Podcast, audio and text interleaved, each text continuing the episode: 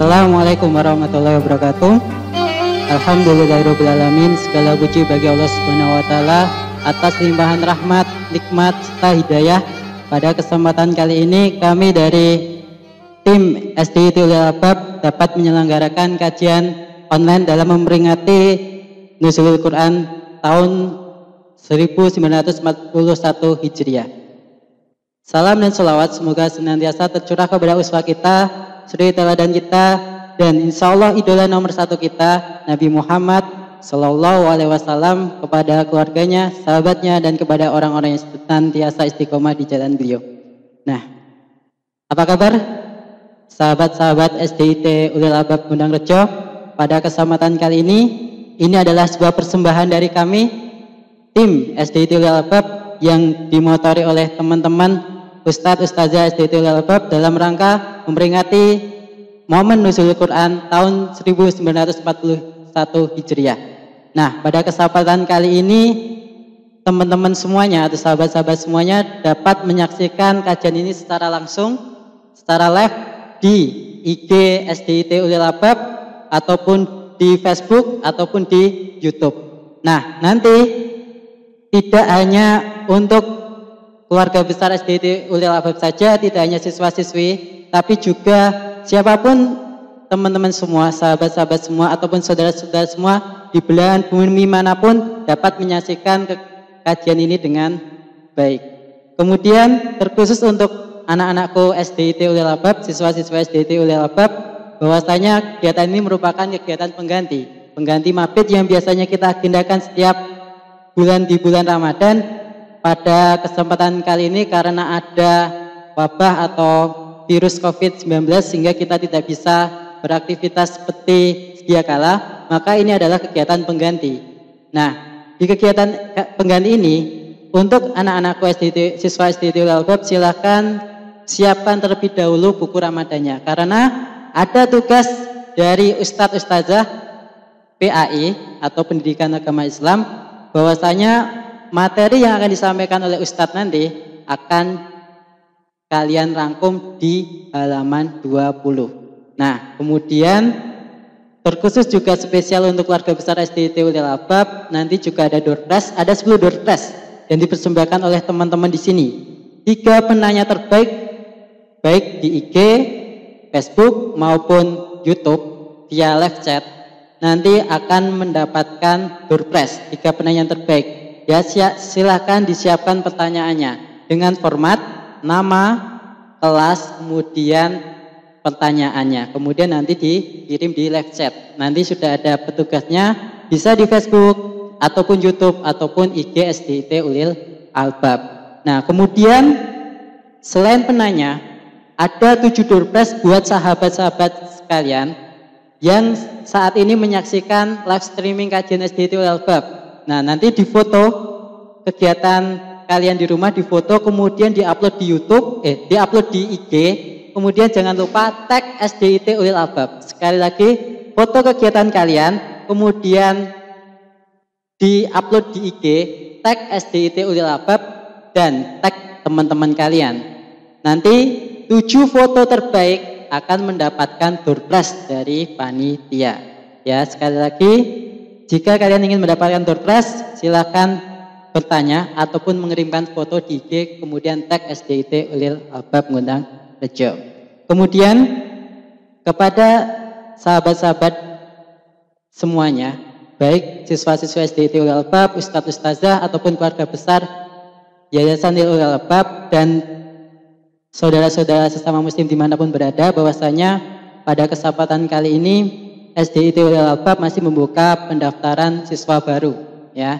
Pendaftaran siswa baru ini tinggal beberapa kuota saja sehingga segera buat teman-teman ataupun yang punya adik, saudara yang masih memiliki uh, anak ataupun saudara yang masih TKB dan belum mendapatkan sekolah silakan daftarkan di SDIT Ulil Albab segera karena kuota terbatas dan ketika kuota sudah terpenuhi maka akan segera kami tutup. Nah, untuk mengawali kegiatan pada kali ini, pada hari ini, marilah kita awali dengan membaca basmalah bersama-sama. Bismillahirrahmanirrahim. Kemudian agar lebih himat dan diberkahi oleh Allah akan dibacakan beberapa ayat suci Al-Quran oleh Ustadz Arif. Kepada Ustadz Arif kami persilahkan. Bismillahirrahmanirrahim. Assalamualaikum warahmatullahi wabarakatuh. أعوذ بالله من الشيطان الرجيم بسم الله الرحمن الرحيم لا أقسم بيوم القيامة ولا أقسم بالنفس اللوامة أيحسب الإنسان أن لن نجمع عظامه بلى قادرين على أن نسوي بنانه بل يريد الإنسان ليفجر أمامه يسأل أيان يوم القيامة فإذا برق البشر وخسف القمر وجمع الشمس والقمر يقول الإنسان يومئذ أين المفر؟ كلا لا وزر إلى ربك يومئذ المستقر. ينبأ الإنسان يومئذ بما قدم وأخر. بل الإنسان على نفسه بشيرة. ولو ألقى معاذيره. لا تحرع به لسانك لتعجل به. إن علينا جمعه وقرآنه. وإذا قرأناه فاتبع قرآنه. ثم إن علينا بيانه. كلا بل تحبون العاجلة. وتذرون الآخرة وجوه يومئذ ناذرة إلى ربها ناظرة ووجوه يومئذ باسرة تدن أن يفعل بها فاكرة كلا إذا بلغت التراقي وكيل من راق. وظن أنه الفراق. والتفت الساق بالساق. إلى ربك يومئذ المساق. ولا صدق ولا صلى. ولكن كذب وتولى ثم ذهب إلى أهله يتمطى أولى لك فأولى ثم أولى لك فأولى. أيحسب الإنسان أن يترك سدى؟ ألم يك نطفة من مني يمنى ثم كان علقة فخلق فسوى وجعل منه الزوجين الذكر والأنثى أليس ذلك بقادر على أن يحيي الموتى اللهم ارحمنا بالقرآن السلام عليكم ورحمة الله وبركاته Waalaikumsalam warahmatullahi wabarakatuh. Jazakallah kepada Ustadz Arif yang telah membacakan beberapa ayat suci Al-Quran, Quran Surat Al-Qiyamah. Semoga mendapat mendapat mendapatkan atau menghadirkan keberkahan dari Allah Subhanahu wa taala. Uh, kemudian sebelum menginjak acara inti kajian pada malam hari ini, sekali lagi untuk anak-anakku siswa-siswi SD Ulil Albab siapkan buku catatan atau buku Ramadannya. Silakan nanti apa yang disampaikan Ustadz, materi yang disampaikan Ustadz silakan dirangkum dan dituliskan di buku Ramadan masing-masing. Dan saya mengingatkan kembali, ingat ada tujuh tur, tiga doorpress untuk penanya terbaik dan tujuh doorpress bagi teman-teman siswa-siswa SD Ulil Albab yang posting foto kegiatan menonton live streaming baik di IG, Facebook maupun di YouTube dan dikirim ke IG dan di tag SDT Ulil Albab nanti akan mendapatkan 7 doorpress menarik. Nah, langsung saja ke uh, langsung aja pada inti kajian pada malam hari ini kita panggilkan Ustadz yang akan membawakan materi pada malam ini Ustadz Anjar Wardono Sarjana Teknik. Kami persilakan. Monggo Ustadz. Dipun ya Alhamdulillah. Monggo langsung saja untuk materi pada kegiatan malam ini. Waktu dan tempat kami persilakan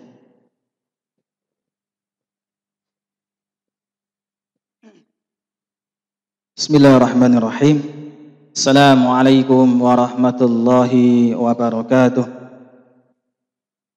الحمد لله الحمد الذي هدانا لهذا وما كنا لنهتدي لولا أن هدانا الله أشهد أن لا إله إلا الله وحده لا شريك له وأشهد أن محمدا عبده ورسوله لا نبي بعده اللهم صل على محمد وعلى آل محمد أما بعد Alhamdulillah Alamin, Bapak Ibu, Ayah, Bunda, dan sahabat-sahabat sekalian SDIT Ulil Albab Undang Rejo yang semoga dirahmati Allah Subhanahu wa taala. Kita bersyukur kepada Allah Subhanahu wa taala pada kesempatan hari ini Allah masih memberikan kenikmatan yang begitu banyak. Kenikmatan iman yang hari ini Allah masih jaga dalam diri kita. Terbukti bahwa hari ini Allah masih mengizinkan diri kita untuk menikmati keberkahan di bulan Ramadan ini untuk kita tetap taat pada Allah Subhanahu wa taala sampai detik ini. Oleh karena itu besarnya nikmat ini harus kita syukuri dengan senantiasa menambah ketaatan kita pada Allah Subhanahu wa taala.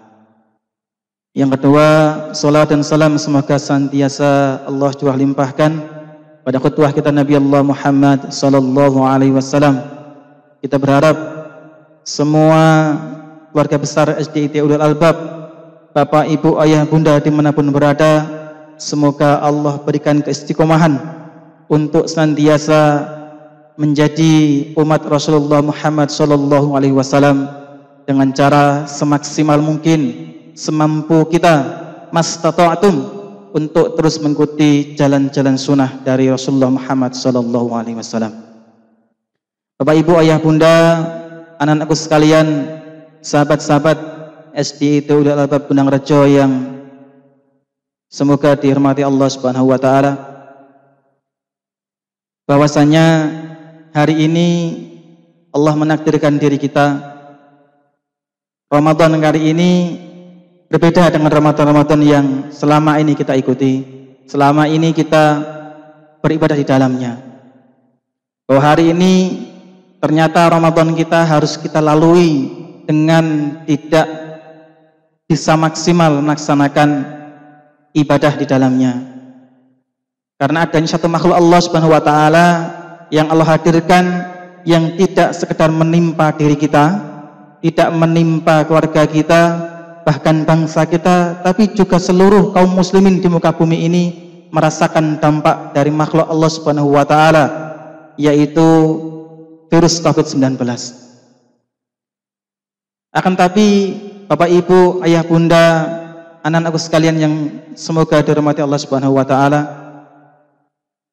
kita perlu kemudian memahami bahwasanya apa pun takdir kita yang hari ini Allah hadirkan dalam kehidupan kita merupakan takdir terbaik bagi diri kita, bagi keluarga kita. Sebagaimana satu pesan yang disampaikan Allah Subhanahu wa taala dalam surat Al-Baqarah ayat 155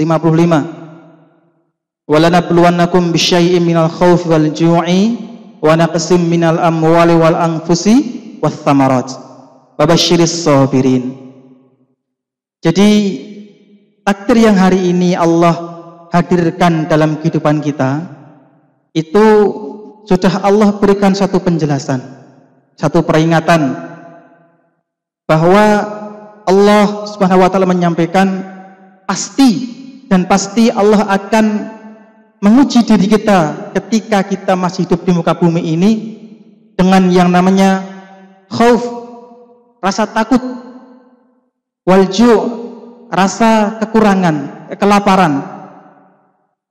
Minal khauf wal ju'i wa naqsim minal amwali wal anfusi wath thamarat.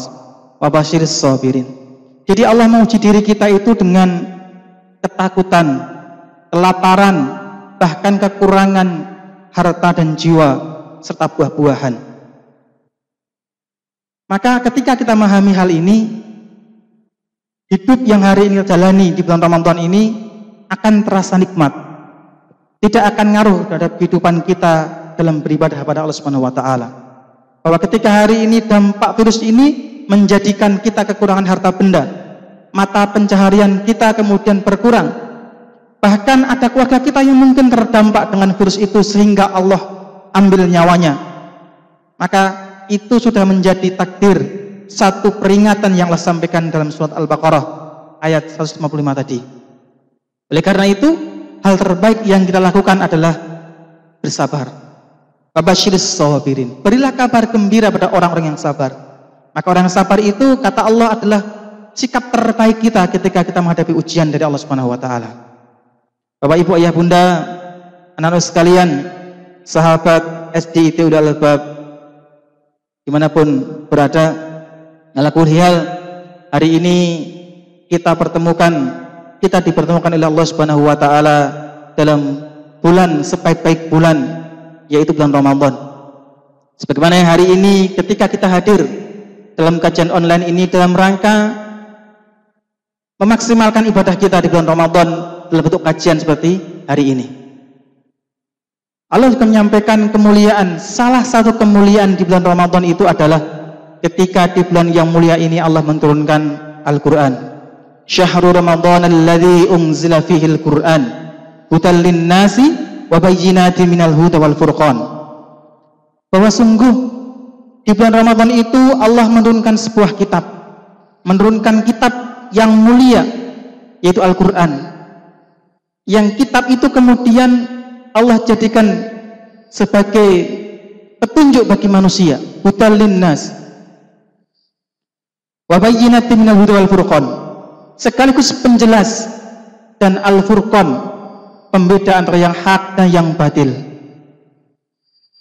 Oleh karena itu Bapak Ibu Ayah Bunda anak-anak sekalian sahabat SD Tilul Albab Benang Recayang semoga dimuliakan oleh Subhanahu wa taala bahwa ketika Al-Quran itu Allah hadirkan ke tengah-tengah kehidupan manusia tidak ada tujuan lain yang ingin Allah sampaikan pada kita kecuali Al-Quran itu mampu menjadi hutalin nas mampu menjadi petunjuk hidup kita mampu menghadirkan dalam diri kita itu kebaikan sehingga dia juga berfungsi sebagai Al-Furqan mampu membedakan manusia setelah memahami Al-Quran itu bagi petunjuk, dia bisa membedakan mana yang hak, mana yang batil. Oleh karena itu, kita bisa menyimpulkan bahwa generasi terbaik itu adalah generasi yang lahir dari rahim Quran. Bagaimana tidak? Di dalam ayat yang lain Allah sampaikan, "Wasabiquna al-awwaluna minal muhajirin wal ansari walladzina taba'uhum bi ihsan radhiyallahu anhum waradu'an. Allah sendiri yang menyampaikan. Allah sendiri yang memuji bahwa orang-orang terdahulu wasabiqunal awwalun minal muhajirin orang-orang yang pertama-tama masuk Islam dari golongan mujahid muhajirin wal ansor dan orang-orang ansor walladzina taba'uhum bi ihsan dan orang-orang setelahnya yang mengikuti mereka dengan baik radhiyallahu anhu Waradu'an. Allah itu ridho dengan mereka. Sahabat-sahabat sekalian yang semoga dimuliakan Allah Subhanahu wa taala. Kalau zat yang paling berkuasa di muka bumi ini, zat yang telah menghadirkan kita, mengizinkan diri kita untuk menikmati indahnya alam ini, itu sudah menjamin, memuji, meridhai setiap jengkal kehidupannya, setiap menit, setiap detik sisi kehidupannya. Adakah kemudian ujian lain yang menjadikan dia lebih mulia dibandingkan pujian Allah Subhanahu wa taala. Ini gambaran satu panduan yang sangat indah yang Allah hadirkan untuk diri kita, keluarga kita, anak turun kita. Bagaimana kemudian tidak ada jalan lain dalam kemuliaan hidup kita kecuali ketika kita itu merujuk kepada apa yang telah dilakukan oleh generasi-generasi yang telah dimuliakan oleh Allah Subhanahu wa taala karena kedekatan mereka dengan Al-Qur'an. Betapa tidak ketika Al-Qur'an itu turun, ketika Islam itu hadir di muka bumi ini, ketika Rasulullah Muhammad SAW itu menerima wahyu Al-Quran ini, sebelumnya ada dua imperium besar ada dua peradaban besar yang saat itu sudah menjadi rujukan manusia di muka bumi ini. Yaitu peradaban Romawi dan peradaban Persia. Romawi dan Persia. Dua peradaban besar yang saat itu menjadi rujukan utama manusia di muka bumi ini. Apa-apa merujuknya ke sana? Ketika peradaban manusia itu mengalami perkembangannya, ke sana rujukannya. Sedangkan bumi Arab ketika itu penuh dengan kegelapan. Sampai-sampai Allah menyampaikan, "Walladzi ba'atsa fil ummiyyin rasulan minhum yatlu 'alaihim ayatihi wa zakkihim wa yu'allimuhumul kitab wal hikmah wa in kanu min qabla fi dhalalin mubin." Allah hadirkan seorang nabi, "Walladzi ba'atsa fil ummiyyin" dari golongan mereka, golongan orang-orang yang ummi, orang-orang yang tidak bisa membaca, tidak bisa baca tulis. Kita cukup mengatakan sebagai orang yang bodoh di dalam dunia pendidikan ketika dia tidak bisa membaca dan menulis. Tetapi kemudian kita bisa melihat dari bangsa yang umi, dari bangsa yang buta huruf, hadir generasi terbaik di muka bumi saat itu yang siap menjadi pemakmur bumi ini setelah mereka berinteraksi dengan Quran. Orang-orang para penggembala domba di padang pasir yang ketika kemudian Islam itu hadir mewarnai kehidupan mereka, mereka lahir menjadi mercusuar, mercusuar peradaban. Bapak, Ibu, Ayah, Bunda, di mana pun berada, dan sahabat-sahabat SD itu Bab yang semoga dirahmati Allah Subhanahu Wa Taala.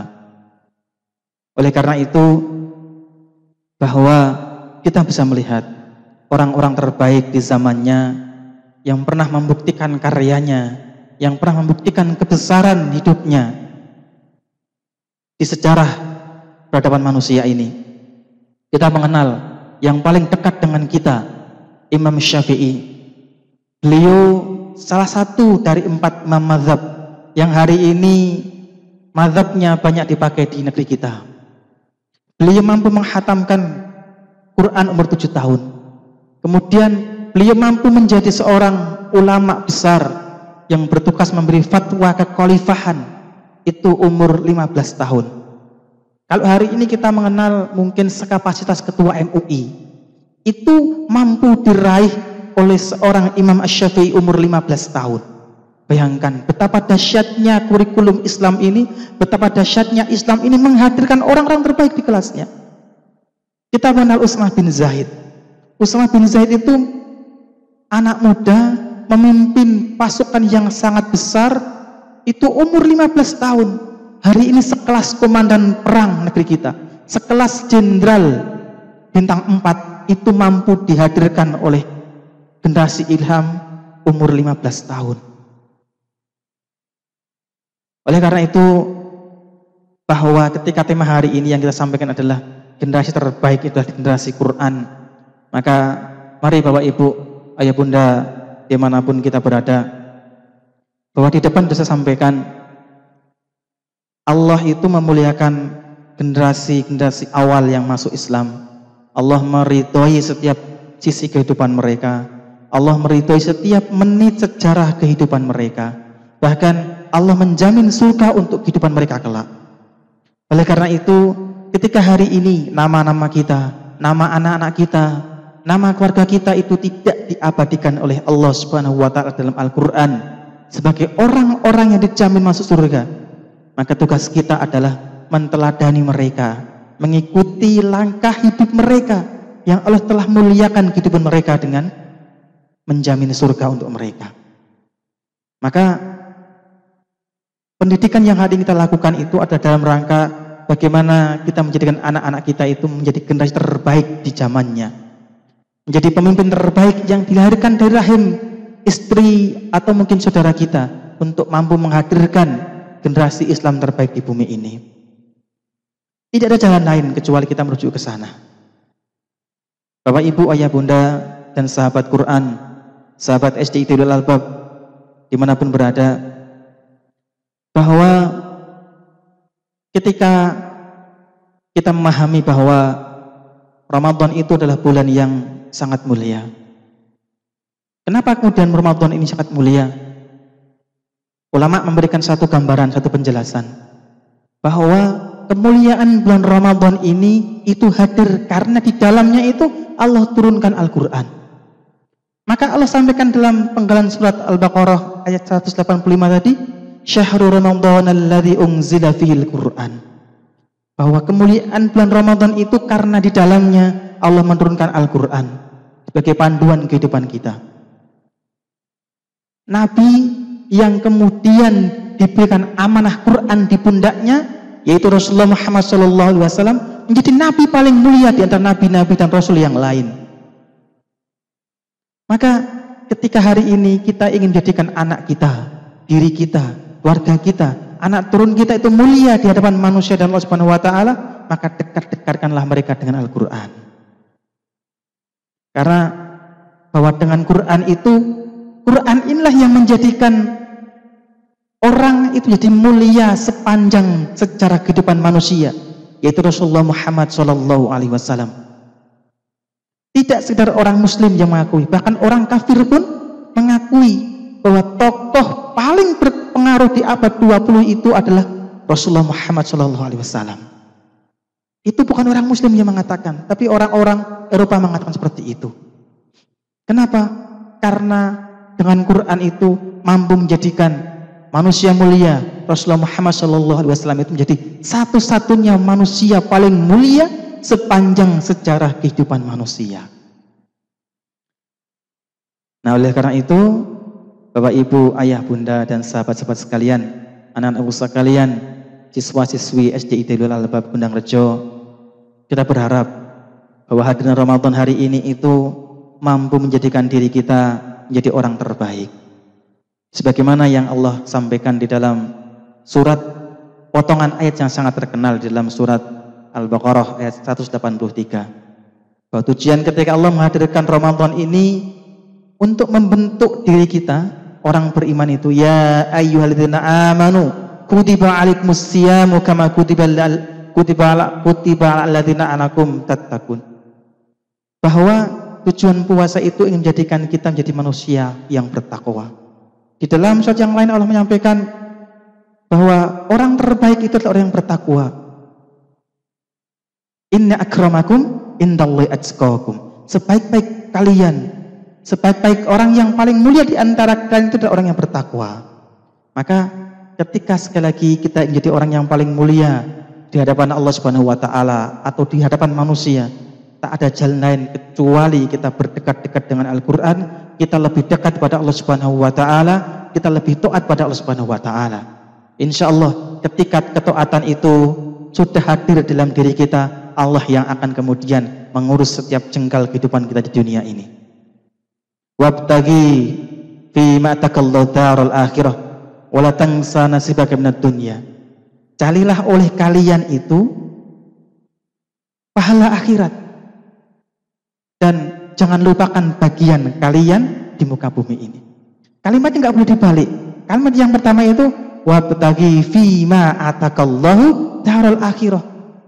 Jadi Allah memerintahkan pada diri kita itu untuk kemudian mencari pahala akhirat dengan apa-apa, dengan nikmat yang telah Allah hadirkan dalam diri kita sebagai bekal kita untuk mencari pahala akhirat. Baru kemudian kalimat berikutnya itu jangan lupakan bagian kalian di muka bumi ini. Maka itu janji Allah Subhanahu wa taala. Nah, oleh karena itu Bapak Ibu Ayah Bunda bahwa dalam kesempatan malam hari ini ketika kita hadir dalam kajian online yang disponsori oleh para ustadz tim media dari SD Tadul Al-Bab. Kita berharap dengan momentum ini kita dipertemukan dalam kebaikan. Kita dipertemukan dalam insya Allah agama ini. Allah takdirkan diri kita itu untuk bertemu di rahim SD Tadul Al-Bab. Kita berharap akan lahir orang-orang terbaik, anak-anak terbaik, generasi terbaik dari diri kita. Dari anak-anak kita, dari SD kita itu yang kelak memang menjadi orang terbaik yang siap untuk mengemban peradaban Islam ini, melanjutkan kebaikan yang sudah kita tanamkan pada diri anak-anak kita. Bapak Ibu Ayah Bunda yang saya hormati, sedikit ini yang mungkin saya sampaikan waktu yang sangat singkat, setengah jam sudah rupanya uh, saya sampaikan beberapa hal terkait tadi, yang pada intinya saya menegaskan kembali yang pertama, bahwa generasi terbaik itu adalah generasi yang hadir dari rahim Al-Quran. Bahwa ketika kita mampu menghadirkan generasi terbaik itu, maka kemuliaan itu Allah jamin akan hadir dalam kehidupan anak-anak kita dan keluarga kita. Ini kiranya yang bisa saya sampaikan, kurang dan lebihnya mohon maaf. Uh, saya akhiri. Assalamualaikum warahmatullahi wabarakatuh. Waalaikumsalam warahmatullahi wabarakatuh. Ya, jazakallah khair kepada Ustadz Anjar. Nah, materi yang luar biasa bagaimana kita dijelaskan bagaimana beruntungnya orang yang ketika Al-Quran itu ada dalam hatinya, Al-Quran itu dalam hidupnya, maka sesungguhnya dia memuliakan dirinya sendiri. Oke, uh, seperti itu. Jadi sekali lagi kepada sahabat-sahabat semuanya, teman-teman semuanya, anak-anakku, siswa-siswa itu ulil albab, silakan yang mau tanya, sebutkan nama, kemudian kelasnya dan pertanyaannya. Insya Allah tiga pertanyaan terbaik akan mendapatkan door prize yang menarik. Alhamdulillah di bulan Ramadan nonton ustadz ustadznya yang selama ini sudah dua bulan atau bahkan lebih ya tadi ya lebih tidak bertatap muka tidak belajar seperti biasa sesungguhnya kita juga kangen kepada kalian ya kita kangen ketika kita bisa belajar kita bisa mengajar kita kangen tingkah laku kalian. Kita kangen kenakalan kalian juga ya tadi. Oke, ya luar biasa. Ternyata waktu yang dua bulan kita tidak bersua, ini sungguh menjadikan rasa diri kita. Tidak hanya saya, mungkin Ustadz Anjar, mungkin Ustadz ataupun saja yang lainnya itu merasa sangat rindu sekali. Dan kita berharap semoga kondisi saat ini semoga lekas kondusif kembali kita dapat bersua kembali, kita dapat belajar mengajar. Insya Allah SDIT Albab siap menyambut kalian dengan wajah yang baru. Kita sudah punya apa Tat? Lapangan yang baru ya Tat ya? Nah, lapangan lapangan futsal. Nah, kemudian kita juga sudah punya lapangan uh, bola voli, lapangan badminton dan lapangan basket. Nah, padahal itu mau kita launching, tapi karena Iya, corona nggak pergi-pergi ya Tat ya. Oh gimana lagi? Oke, apakah ada pertanyaan dari via IG ataupun YouTube? Nah, terima kasih uh, saya sampaikan kepada para jamaah ataupun para sahabat-sahabat yang sudah live streaming via YouTube. Ada Mas Rizky kelas 4A, kemudian ada Mas Haidar 1B dengan kakaknya Mas Farid 5A. Bagaimana kabarnya? Kemudian Mas Naufal Anaf 1A. Kemudian ada Mbak Fatimah Azhara 2A. Nah, kami tunggu untuk pertanyaan-pertanyaan dari anak-anakku sekalian yang mendapat door ada banyak. Ada banyak sekali. Silakan membuat pertanyaan. Mungkin Ustadz ataupun Ustazah yang sekarang lagi live streaming di rumah, silahkan kalau mau bertanya juga akan mendapatkan door prize. Mau lebaran, dapat prize, nambah bisa nambah THR ya, insya Allah ya. Oke.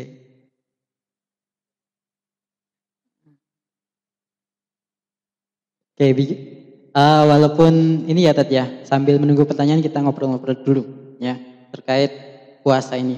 Nah, Uh, se ini tat kan kita di bulan Ramadan dan masih banyak waktu juga anak-anak ini di rumah itu kan karena tidak sekolah maka hampir full waktunya itu di rumah atau di kesempatan di rumah. Bagaimana manajemen waktu antara membagi khususnya eh, anak-anak uh, ini bisa membaca Al-Quran dengan baik. Bagaimana atau intinya gini, bagaimana cara anak-anak itu bisa memanfaatkan waktu di bulan Ramadan agar waktu Ramadannya ini tidak terbuang sia-sia. Monggo dijawab. Baik, Bismillahirrahmanirrahim. Jadi yang pertama, sebelum menjawab apa yang disampaikan Ustadz Rifan, yang perlu mungkin saya share adalah bahwa hari ini itu memang Allah kita ambil hikmah dari adanya virus corona ini bahwa ternyata efek dari corona itu tidak sekedar kemudian kita harus berpisah sementara waktu dengan anak-anak kita dalam proses belajar mengajar di sekolah. Akan tapi juga hal ini menjadikan orang tua itu lebih dekat dengan anak-anaknya. Mau nggak mau, interaksi yang selama ini mungkin antara orang tua dengan anaknya itu sangat terbatas karena kalau di SD Diril Albab itu jam 7 harus masuk, pulang jam 2, kemudian orang tuanya ada yang mungkin kerja, pulang sore. Nah, dengan adanya virus ini mungkin sebagian dari wali santri kita, wali murid kita ada yang juga kena dampak dari hal itu sehingga harus lama di rumah dan anak-anaknya. Maka ibrah yang pertama yang saya tangkap itu adalah bagaimana kemudian uh, orang tua itu menjadi lebih dekat untuk mengajarkan kebaikan dengan anak-anaknya. Yang selama ini proses pengajaran kebaikan itu dititipkan kepada kita sebagai para guru mereka di sekolahan, maka hari ini tugas itu sementara waktu kita pasrahkan kembali kepada ayah, bunda, bapak ibu sekalian di rumah. Nah, oleh karena itu terkait dengan pertanyaan Satrifan tadi, bagaimana kemudian anak-anak itu mampu memanfaatkan tiap hari yang libur ini tidak lepas dari Al-Quran, yang pertama adalah tidak ada proses penanaman kebaikan itu kecuali dengan keteladanan. Maka ketika kita ini anak-anak kita itu menjadi orang yang mau dekat dengan Quran, mau berlama-lama interaksi dengan Quran, maka bagaimana kemudian kita sebagai orang tua itu, ayah, bunda, bapak, ibu kita di rumah itu mampu menjadi Ladan terbaik bagi anak-anaknya. Seberapa kuat kita sebagai orang tua itu berinteraksi dengan Quran. Maka ketika kita sudah memberikan contoh bahwa kita mampu berinteraksi dengan Quran, taruhlah pasca subuh, pada subuh itu kita tilawah bareng-bareng dengan keluarga, maka itu akan memberikan satu bekas dalam anak bekas dalam diri anak-anak kita. Ternyata orang tua saya itu tidak sekedar kemudian pandai menyuruh saya untuk tilawah, untuk baca Quran, tapi beliau sendiri juga memberikan contohnya. Maka Allah menyampaikan, "Kabura maktan indallahi ang taqulu ma la taf'alun." Sungguh besar kebencian di sisi Allah itu orang yang mampu mengatakan, mampu memerintahkan tapi nggak mampu melaksanakannya. Maka salah satu sarana bagaimana agar anak-anak kita yang wajibnya banyak di rumah itu tetap berinteraksi dengan Quran, kita sebagai orang tua itu memberi contoh lebih dahulu untuk kemudian dekat dengan Quran. Nah, kebersamaan waktu libur itu bisa kita manfaatkan. dengan keluarga tilawah bareng-bareng. Ayah yang akan memulai untuk tilawah, kemudian diikuti ibu, diikuti bundanya, kemudian membimbing anak-anaknya di halakoh Qur'annya itu. Insya Allah ketika itu tertanam selama eh, virus ini tetap eh, ada di lingkungan kita, insya Allah itu menjadi satu bekas kebaikan dalam diri anak-anak kita. Dan itu akan terkenang sampai tua, bahkan sampai mereka berkeluarga, belum jadi akan dipraktekkan pada keluarga mereka ke depan. Itu tadi, kira-kira sedikit tips begitu. Uh, demikian. Oke, jadi uh, pada intinya peran orang tua dominan ya Tat ya untuk memberikan teladan yang baik. Oke Tat, uh, ini ternyata sudah muncul banyak pertanyaan dari anak-anak kita. Nah, ini dari YouTube terlebih dahulu ada banyak sekali pertanyaan, tapi saya pilih dua penanya terbaik karena ini pertanyaannya luar biasa anak-anak SD itu. Ya. Oke, yang pertama dari Mas Jundi Hak ya. Kelas 5A. Ya. Ahwan mau tanya Ustadz, apakah keutamaan ketika kita mendalami Al-Qur'an? Mungkin dengan mengetahuinya kita bisa menambah rasa cinta kita terhadap Al-Qur'an. Syukran Ustadz. Baik, Masya Allah. Barakallahu fikum Mas Jundi siswa SD Tilawat kelas 5A. Uh, eh, ada sebuah hadis yang mungkin sangat familiar bagi diri kita. Khairukum man ta'lamal Qur'ana wa 'alamah. Bahwa sebaik-baik kalian itu adalah orang yang belajar Quran dan mengajarkannya. Ini hadis keluar dari lesan manusia paling mulia di muka bumi ini yang masa lalu dan masa datangnya itu jadi jamin oleh Allah Subhanahu wa taala Surga sudah menantinya ketika beliau masih di muka bumi ini, yaitu Rasulullah Muhammad Shallallahu Alaihi Wasallam. Artinya, ketika hadis ini keluar dari mulut orang paling mulia, lisan orang paling mulia di muka bumi ini, ada keraguan dalam diri kita untuk kemudian tidak mengimaninya. Maka cukup singkat ini yang saya sampaikan bahwa apa manfaatnya ketika kita belajar Quran? Yang pertama, cukuplah hadis ini jadi satu pemacu dalam diri kita. Termasuk hadirnya Ustadz itu Ustadz belum lama di SD itu Albab baru satu tahun. Motivasi terbesar Ustadz itu hadir di sini adalah ingin menaiki hadis ini sampai ke surganya insya Allah. Gak banyak. Yaitu sebaik-baik kalian kata Rasulullah itu orang yang belajar Quran dan mengajarkannya. Maka kalau hari ini Mas Jundi masih dalam proses untuk belajar Quran, maka itu satu tahapan untuk menjadi orang terbaik sudah terlewati. Yaitu belajar Quran. Ketika kemudian masa belajar Quran ini sudah terlewati dalam proses kita menerima ilmu Quran itu dengan baik, kita mampu membaca Quran dengan baik, punya ilmu tentang Quran, ke depan kita dewasa, kita punya bekal untuk diajarkan, maka sudah komplit syarat untuk menjadi orang yang terbaik. Apa itu? Belajar Quran dan mengajarkannya. Maka oleh karena itu, eh, ketika kita dengan belajar Quran itu otomatis kita berinteraksi lebih lama dengan Quran. Dengan kitab yang dengan membacanya saja itu berpuluh-puluh ribu bahkan berjuta kebaikan hadir dari kitab itu. Nah, itu Mas Jundi sedikit mungkin dari gambaran bahwa jadikan hadis ini sebagai tunggangan kita meraih surganya Allah Subhanahu wa taala dengan belajar Quran dan mengajarkannya. Demikian Ustaz. Itu ya Mas Jundi, uh, hadis sebagai motivasi untuk belajar Al-Quran.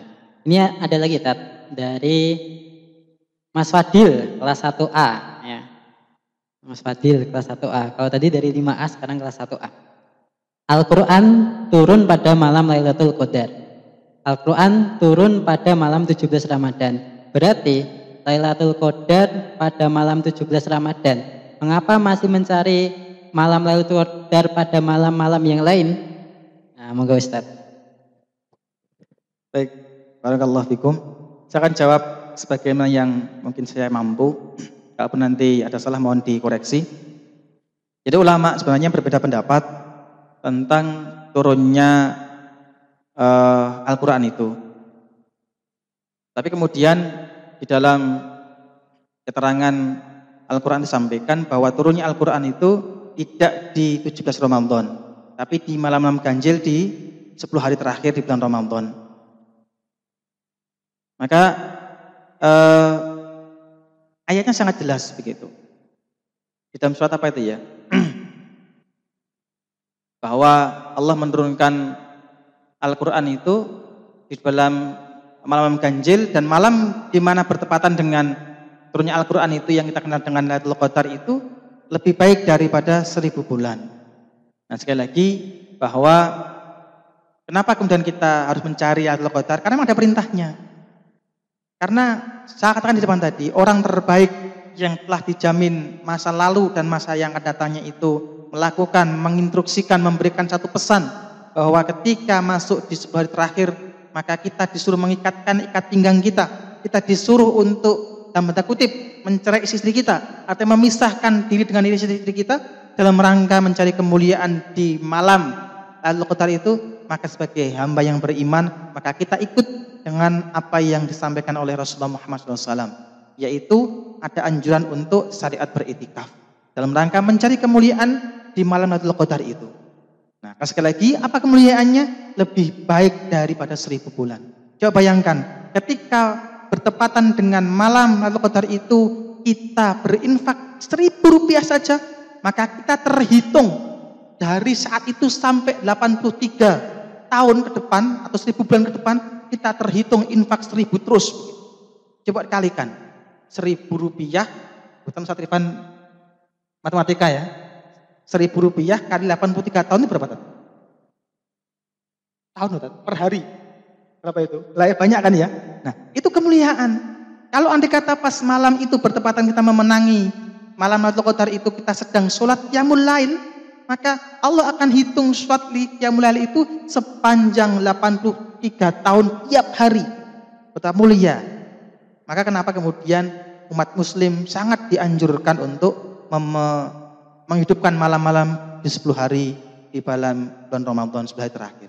Demikian. Sekali lagi uh, untuk masalah turunnya wahyu Al-Qur'an itu uh, para ulama berbeda pendapat begitu. Demikian. Begitu ya Mas Fadil ataupun orang tua dari Mas Fadil. Nah, pertanyaan terakhir ini Tat, sebenarnya ada banyak sekali Tat ini. Tapi karena keterbatasan waktu kita, nah kita saya ambil dari IG. Nah, di IG ini ada yang tanya Tat, mungkin ini jadi masalah tidak hanya Mas, ini dari Mas Akram kelas 2B. Ini tidak hanya jadi masalah Mas Akram, pun juga teman-teman yang lainnya atau bahkan ustadz ustazah juga. Nah, pertanyaannya adalah bagaimana mengatasi rasa malas tilawah Quran saat Ramadan. Nah, mungkin ada tips-tips jitu dari Ustadz Anjar bagaimana cara mengatasi permasalahan tersebut. Monggo Ustadz. Baik, barakallahu fikum pada Mas Akram. Uh, ini permasalahan yang sangat umum begitu. Bahwa ketika Allah ciptakan diri kita itu itu bukan diciptakan dengan komposisi seperti malaikat yang tidak ada nafsu. Malaikat diciptakan itu hanya punya kepentingan untuk taat pada Allah Subhanahu wa taala. Tapi kemudian berbeda dengan diri kita. Kita hadir di muka bumi ini itu dilengkapi dengan paket komplit. Ada nafsu yang kemudian mengajak kita satunya dengan malas untuk berinteraksi dengan kebaikan, tapi di sisi lain Allah menghadirkan pada diri kita itu kebaikan. Maka Allah sampaikan fa'alhamaha fujuraha wa taqwaha. Allah itu ketika menghadirkan diri kita itu di muka bumi ini itu sudah diberikan dua jalan. Fujur dan takwa. Allah hadirkan jalan-jalan kefujuran dan jalan-jalan ketakwaan. Allah memberikan kebebasan pada diri kita itu untuk memilih jalan mana yang akan kita tempuh. Ketika diri kita itu mampu mengalahkan nafsu kita, salah satunya kemalasan itu, maka derajat kita akan lebih mulia daripada malaikat. Tetapi ketika kita justru kalah dengan nafsu kita, maka derajat kita manusia ini lebih hina daripada binatang. Nah, maka bagaimana tips untuk kemudian kita nggak malas ber, uh, tidak malas untuk berinteraksi dengan Quran, membaca Quran? Ya tadi satunya bahwa di dalam Al-Quran itu tersimpan banyak kebaikan.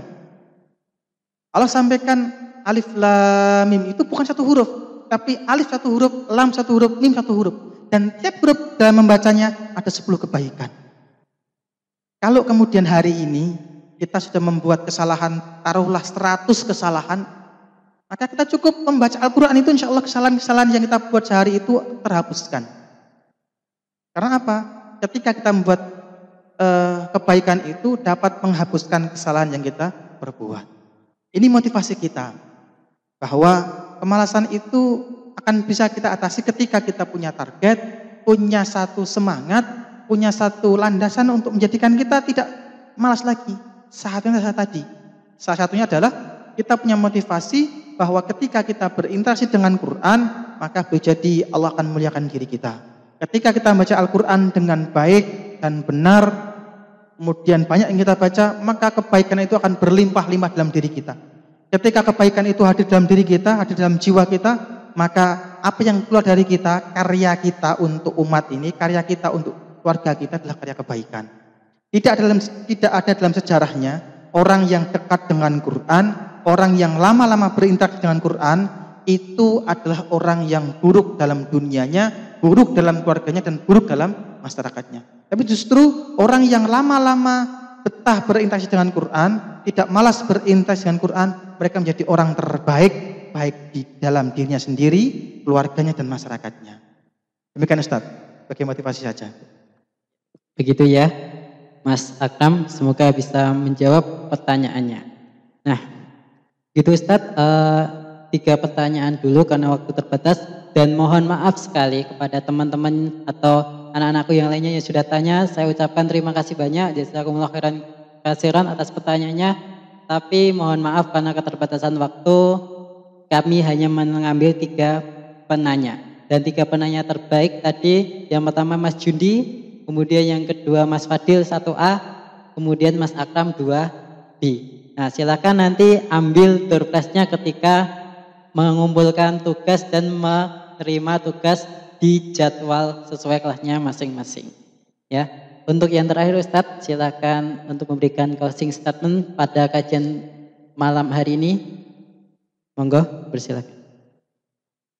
Baik, uh, saya akan sekali menyampaikan tadi sekali lagi bahwa Allah telah mencukupkan proses turunnya Al-Quran itu di muka bumi ini Allah juga sudah mengambil nabinya manusia yang paling mulia di muka bumi ini untuk tidak lagi mendampingi diri kita. Artinya dengan dicukupnya Al-Quran itu dalam Al-Quran ini tidak tersebut nama kita ada jaminan surga untuk diri kita. Beda dengan para sahabat yang namanya dijamin oleh Allah Subhanahu wa taala baik di dalam Al-Qur'an maupun lewat lisan baginda Nabi Muhammad SAW.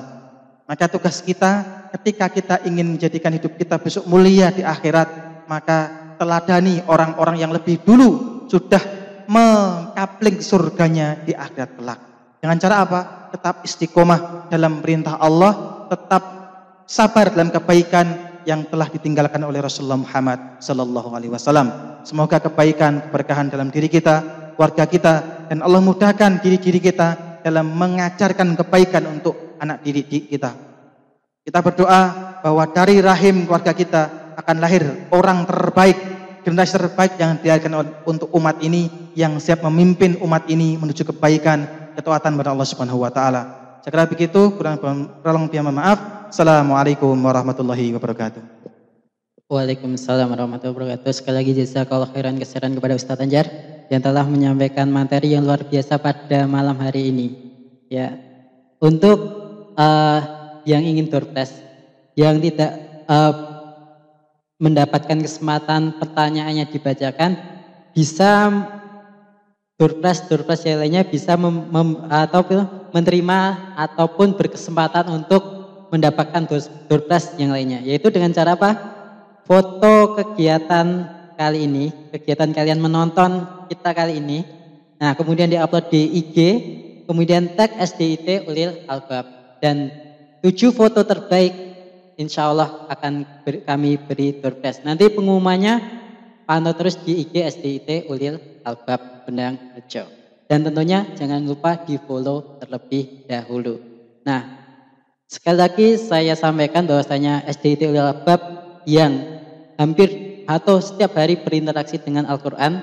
Tadi kan kata Ustaz Anjar ataupun di dalam hadis, orang terbaik itu adalah uh, orang yang belajar Al-Quran dan mengajarkannya. Gitu ya Tati ya. Nah, di SDT Albab, insya Allah hampir setiap hari ketika masuk, kita berinteraksi dengan Al-Quran dengan tiga program unggulan Hafizul Quran, Pembiasaan Ibadah Sunnah, Entrepreneur Day, dan yang lainnya. Insya Allah kami masih membuka kelas atau masih buka pendaftaran, tapi terbatas kuotanya. Sehingga ketika ayah bunda ataupun teman-teman semuanya masih punya saudara, tetangga ataupun adik yang belum mendapatkan sekolah, segera daftarkan ke SDIT Ulil Albab. Ketika kita kuota sudah terpenuhi, akan segera kita tutup. Mungkin kajian pada malam ini cukup sekian. Dan terima kasih kepada kru yang bertugas pada malam hari ini. Dan salam hangat dari kami Ustadz Ustazah SDT Uli Albab Gunang Rejo. Salam kangen, salam uh, apa pun, salam rindu dari kami. Semoga kita berdoa bersama, semoga virus corona segera pergi dari negeri ini dan kita bisa berjumpa kembali dalam kegiatan-kegiatan menarik di STIT Ulil Albab Gunang Rejo. Kita akhiri dengan berdoa, subhanakallahumma bihamdika asyhadu alla ilaha illa anta astaghfiruka wa Wassalamualaikum warahmatullahi wabarakatuh.